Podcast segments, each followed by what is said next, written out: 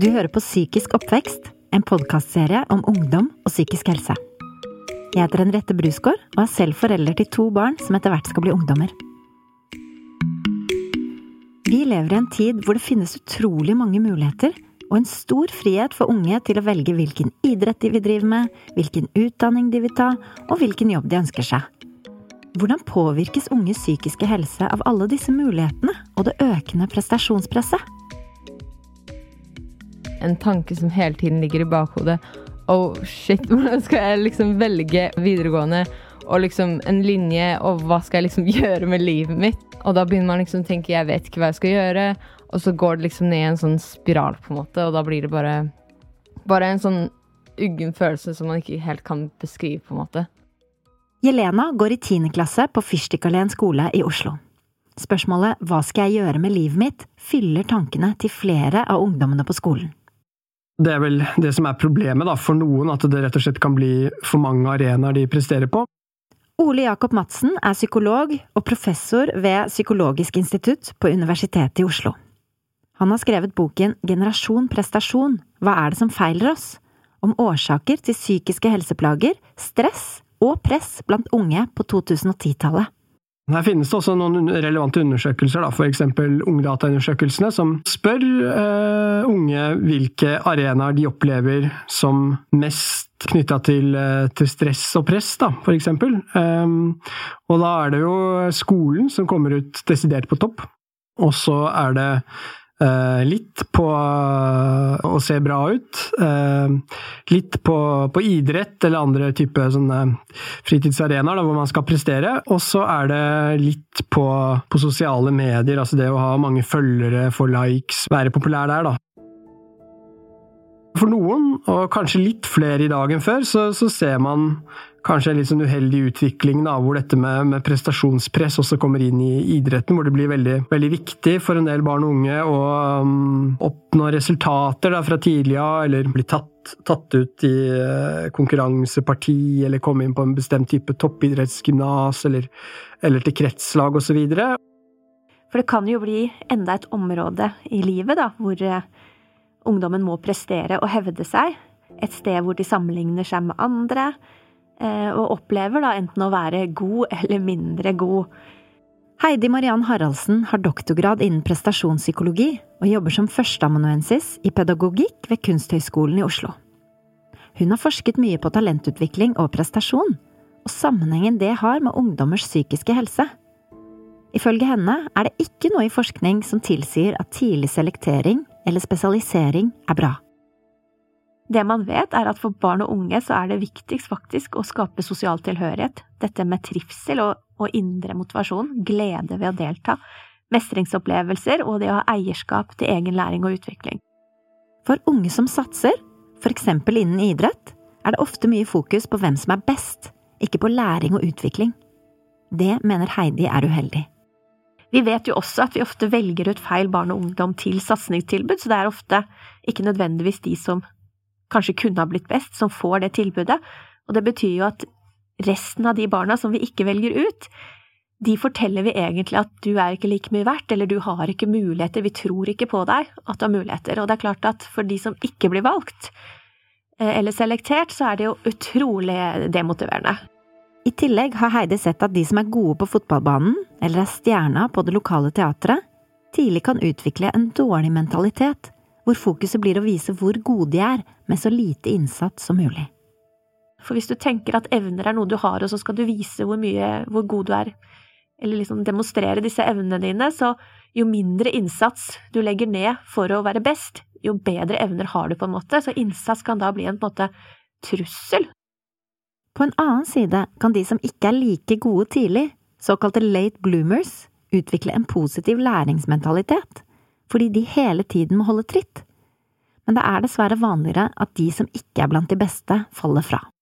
Det vi også ser i forhold til frafallsproblematikk, for eksempel i idrett, så har det jo vært eh, forsket en del på det også, er jo at det faller jo fra veldig oppover i jo mer konkurranseorientert, til jo mer på en måte denne konkurransekulturen og satsingen trer inn, jo flere dropper ut, for de føler at det er ikke et sted for meg, det er ikke plass til meg hvis jeg ikke er blant de beste. Jeg merker i hvert fall selv at eh, jeg hadde ikke giddet å bruke så mye tid på noe som jeg hadde tenkt å være nest best i. Det 18 år gamle Sara forteller her, tenker mange av ungdommene på Vang toppidrett i Oslo. En av de beste privatskolene for ungdom som satser på idretten og vil nå toppen. Men det har sin pris. Jeg vil si at jeg kjenner på prestasjonspress både på skolen og på fotballbanen. Det blir tunge dager, og man blir sliten av å sitte opp lenge for å øve til prøver, og at man alltid må liksom rekke skole, rekke trening. Man blir sliten i hodet, og ja, man blir trøtt og lei til tider. Ifølge Heidi er det spesielt sårbart å være i en konkurranseorientert kultur hvis ungdommen er det vi kaller ytre styrt Altså at de vurderer egen verdi ut ifra andres blikk og hvor godt de presterer. Det er på en måte det vi egentlig kaller kjærlighet ved betinging, som på en måte er en sårbarhetsfunksjon for, for alle mennesker, og spesielt ungdom som på en måte er i en veldig sårbar identitetsfase. Det at du trenger på en måte å bli sett og bekrefta for å føle deg bra. Jeg må liksom være flink. Hvis jeg er flink, så jo flinkere jeg er, eller jo bedre jeg presterer, jo mer verdt føler jeg meg eller jeg opplever at andre da syns at jeg er mer verdt jo flinkere jeg er. Ida på Vang toppidrett har erfart at andres vurdering av hvor godt hun presterer, har vært med på å skape et press. Man merker det at fra man er liten, spesielt hvis man har drevet med idrett lenge, så starter den gleden gjerne med at mamma og pappa eller trener er stolt av deg, og man får mye skryt fordi man er så god. Og så er dette på en måte driven man har, dette i tillegg til at det er morsomt. Og ofte så, når man har holdt på lenge nok, så er det sånn at de rundt oss er så vant til at vi presterer godt, at vi får ikke lenger like mye skryt for det som før var helt fantastisk. Fordi nå er alle vant til at vi gjør det så bra, og da øker dette presset enda mer, fordi da må vi prestere enda bedre for å få den derre godbiten at nå har du vært flink, og få en klapp på skulderen og høre at du har vært god, annet enn bare fra deg selv. Ofte er talentfull ungdom så opptatt av å lykkes i det de holder på med, at de faktisk overpresterer. De trener med smerte, de trener kanskje med skade. De tar noen ekstra økter, jo mer hvis de begynner å liksom henge litt etter og stagnere, så kompenserer de ofte for å trene enda litt mer. Og de kjenner kanskje på skam og skyld, hvis de Flere sa for eksempel at hvis de valgte da å gjøre noe sosialt med noen en kveld istedenfor å legge seg tidlig, så fikk de dårlig samvittighet. Hvis de valgte liksom noe ja, gå på en fest, for det vet de at det skal de helst ikke gjøre. Så det er på en måte Du må veie opp hvor mye ofrer du, da. Ida kjenner på at hun har ofret mye. Når man blir vant til at jeg sier nei hele tiden, så til slutt så kommer ikke spørsmål lenger. Og da sklir liksom den sosiale eh, delen av livet litt ut. Og så blir det mye mindre sosial gjeng, som da ofte er bare på trening eller med de man omgås med når man jobber mot dette målet. Jeg ser at vennene mine er ute og har det gøy, og jeg sitter her og vet ikke engang om jeg kommer til å nå toppen. Selv om foreldre, lagkompiser og trenere er med på å skape et press, tror ungdommene på Vang at mye av prestasjonspresset de kjenner på, kommer av deres egne ambisjoner. Vi har jo mål om å bli gode, og da når man f.eks. gjør en tabbe på banen eller har en dårlig treningsøkt, så uh, tenker man veldig mye om det. da. Uh, hvert fall jeg, Hvis jeg gjør en eller annen feil på banen, så går det fort to uker hvor jeg konstant tenker på den ene feilen. Selv om jeg kanskje har gjort alt det andre bra, så er det ofte det man tenker på. Fordi man ønsker på en måte å være feilfri, da, ikke sant? Jeg har jo hatt perioder hvor det at jeg setter så høye krav til meg selv, at jeg skal være feilfri, og jeg skal, alt jeg gjør skal være 100% og alt skal være kjempebra, det har jo gjort at jeg har prestert dårligere enn det jeg kanskje skulle ønske, da, fordi jeg legger for mye i det. Og noe av presset kan nok også komme hjemmefra, selv om foreldrene, ifølge psykolog Ole Jakob, kanskje ikke er helt klar over det selv. I noen tilfeller så ser man også kanskje at foreldrene deres er involvert i det. da, ikke sant? At det er vel litt det tvetydige ved at, ved at foreldre involverer seg, som selvfølgelig er et gode i utgangspunktet, tenker jeg, men man også kan ha eksempler på overinvolvering, ikke sant? og hvor da Eh, dette blir en tilleggsbelastning for barna, fordi de da føler at de skuffer foreldrene hvis ikke de presterer godt nok, og at si, foreldrenes kjærlighet og aksept da, eh, også blir knytta opp til det. ikke sant? Og man kan også se en del foreldre som kanskje har en del sånn usunn eh, holdning til barnas prestasjoner, hvor liksom barna da blir noen sånn statussymboler man kan knytte liksom, eh, ja, kommunisere til omverdenen, eller liksom en slags pro da på familiens vellykkethet. Selvfølgelig er det, er det, lov å være stolt av, av barnet sitt, da, men at det, ja, barna blir liksom en sånn forlengelse av de selv, og kanskje da Kanskje de også selv har, har følt på at uh, ved det å bli foreldre eller stifte familie, så måtte de legge lokk på noen av sine egne ambisjoner. Også, uh, men så viderefører de disse drømmene på, på barnet, da, at barnet skal bli liksom den ja, fotballproffen de aldri ble, eller den, uh, den vellykka artisten eller, som, som man selv ikke ble, da. Det psykolog Ole Jakob snakker om her, har ungdommene på Vang også sett eksempler på. Det blir litt sånn gjemt bak. Man vil ikke si at foreldrene krever så og så mye av deg, fordi det blir liksom Det føles feil fordi foreldrene skal liksom støtte, men jeg tror absolutt det er mange som kjenner på at foreldrene kanskje har litt underliggende press som man føler på selv, og som de kanskje sier selv, at nå må du øve, nå må du gjøre det, nå må du Jeg vil absolutt si at jeg har venner som kjenner på det her, at foreldrene sier nå må du jobbe med skole, og nå må du gjøre ditt og datten og at det kanskje blir mer mas enn motivasjon. Jeg tror det viktigste er det sånn gamle, gode rådet om at man skal, skal si, gi sine barn litt sånn ubetinga kjærlighet, da, og, og, og, bry seg, så klart, men også vise at man er glad i de uansett. Da, og, og selv om det er bra å engasjere seg i, i barna sine, både hvordan de går med de, hvordan de gjør det på skolen eller idretten, da, og kanskje passe på at man ikke heller overinvolverer seg og, og kommuniserer da kanskje ikke liksom eksplisitt, men mer sånn uh, ja, indirekte eller implisitt. At, at, man vil bli liksom skuffa over dem hvis ikke de, eh, de, gjør det så bra som man hadde håpet. og sånne ting. Så det er vel en balansegang der mellom å, å tåle at de, de, går på trynet, samtidig være, være engasjert og heie på dem og, og støtte dem. da. Heidi mener noe av det viktigste vi kan gjøre som foreldre for å minske presset på ungdommene våre, er å sørge for at de holder på med aktiviteten for sin egen skyld, ikke for vår. Man må passe på at ikke det blir viktig for en som foreldre å ha et barn som er flink, eller at man har fokus på dette med ikke sant, spør når de kommer hjem kanskje fra en kamp, vant dere, skårte du mål, eh, ja, hvilken, hvordan gikk det resultatet, at du liksom blir opptatt av hvordan de gjorde det i forhold til andre. Eh, så de kan hjelpe til med på en måte å hvor de setter fokus. Eh, hjelpe barnet til å, å, å se eh, og lære av det de jobber med. Ha fokus på, som du har sagt, læringsstrategier, innsats, prosess, det sosiale. Hva er det de liker ved aktiviteten? Når er det de trives? Eh, ja, fellesskapet. Prøve å liksom se at resultatet kan være én ting av mange plusser da, i, i aktiviteten. Det er ikke noe tvil om at foreldrenes støtte er viktig for ungdommene. For 17 år gamle Ida er noe av det aller viktigste at de tar idrettsdrømmen hennes på alvor. Det er veldig mange voksne generelt som ikke skjønner den drømmen, at vi faktisk er dønn seriøse på at vi vil til toppen. De oppfører seg litt som om vi var fireåringer som sa at vi ville bli astronauter, liksom. For det er det alle sier.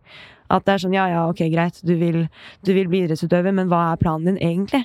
Hva vil du studere? Hva er det egentlig, hva er plan B? De forventer at vi skal ha en plan B. Istedenfor å backe oss 100% på den idrettsdrømmen og si ja, men du, det er helt mulig, og vi er her for deg. Så bare å få høre det noen ganger, og at foreldre viser det, det hadde vært litt sånn deilig å få litt sånn innimellom.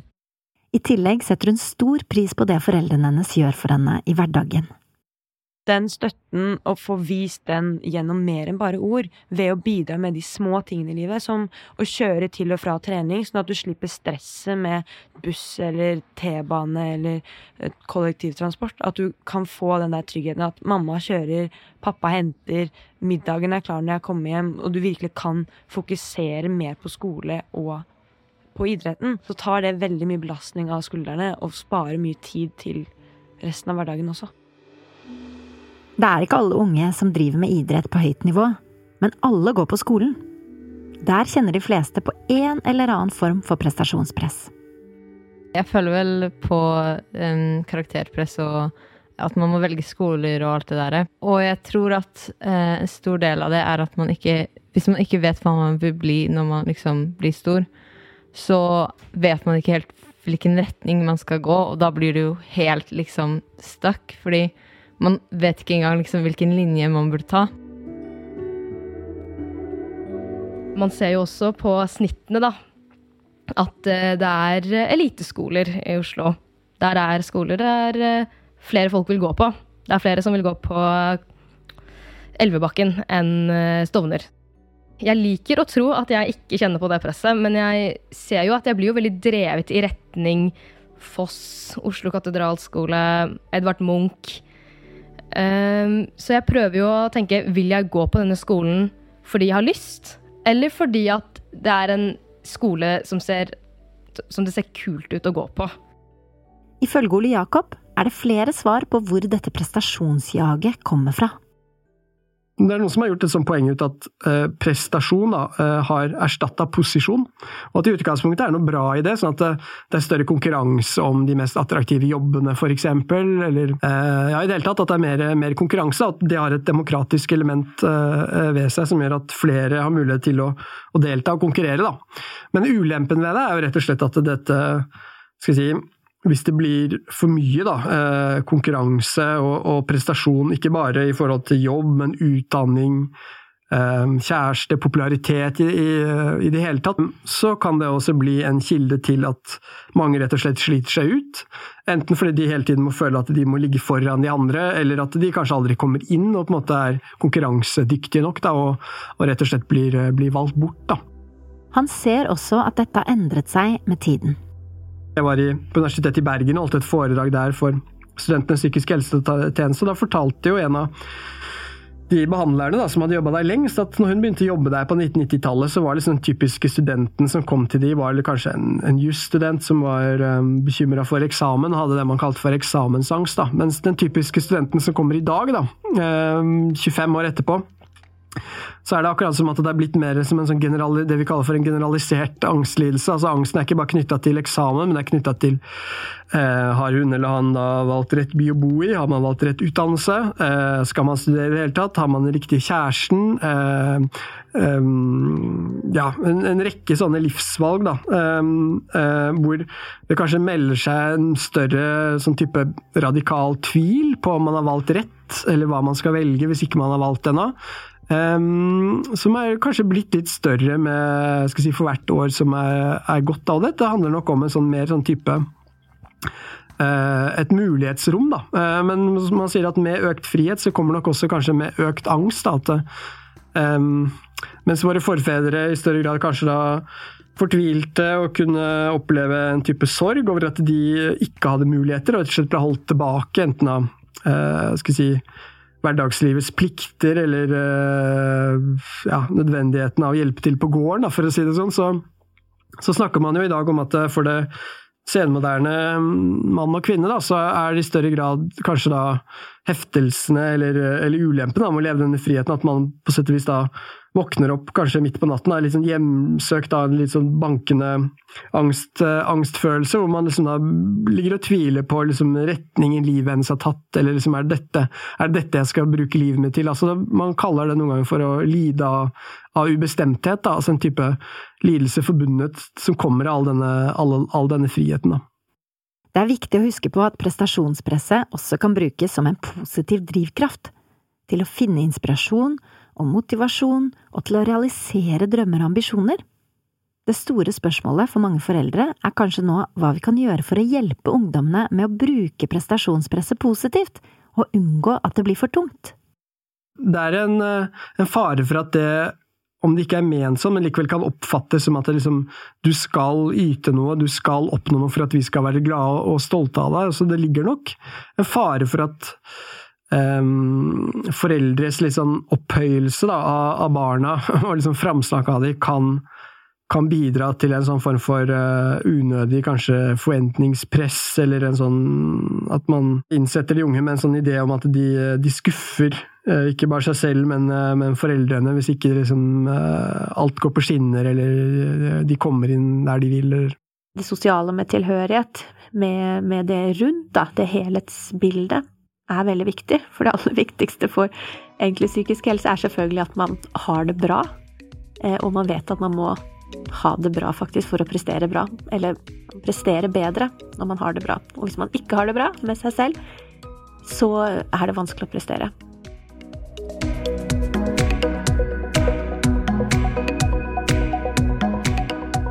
Denne podkasten er produsert av Vrang Produksjon for Rådet for psykisk helse, med støtte fra Stiftelsen DAM.